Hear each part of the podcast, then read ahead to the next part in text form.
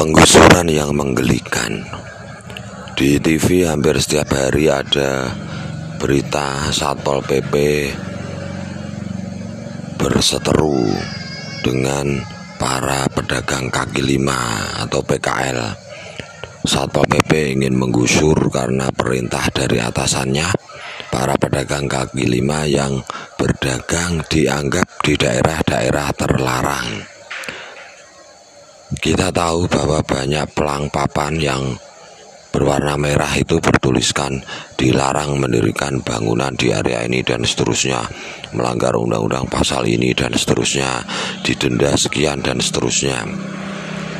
Tetapi di bawah pelang itu dan di sekitarnya banyak bangunan yang berdiri bahkan permanen. Sudah dicor di beton pakai tembok semen dan jumlahnya banyak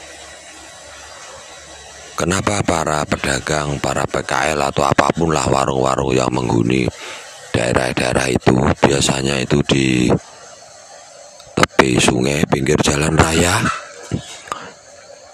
itu menolak untuk digusur dan terjadi bentrokan. Ya tentu saja mereka menolak karena mereka sudah menginvestasikan banyak uang di situ untuk mendirikan bangunannya, untuk menaruh modal dan juga tempat itu dianggap sebagai sumber penghasilan bahkan utama. Dan selama ini baik-baik saja.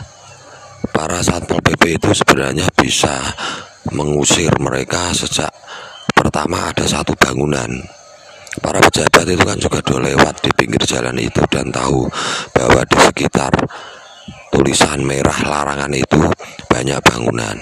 Kenapa dibiarkan dulu jadi banyak, jadi permanen, lama baru digusur. Bahkan di beberapa tempat para pedagang itu sudah membayar retribusi diberi karcis jadi sepertinya resmi. Kalau kok tiba-tiba digusur kan yo marah.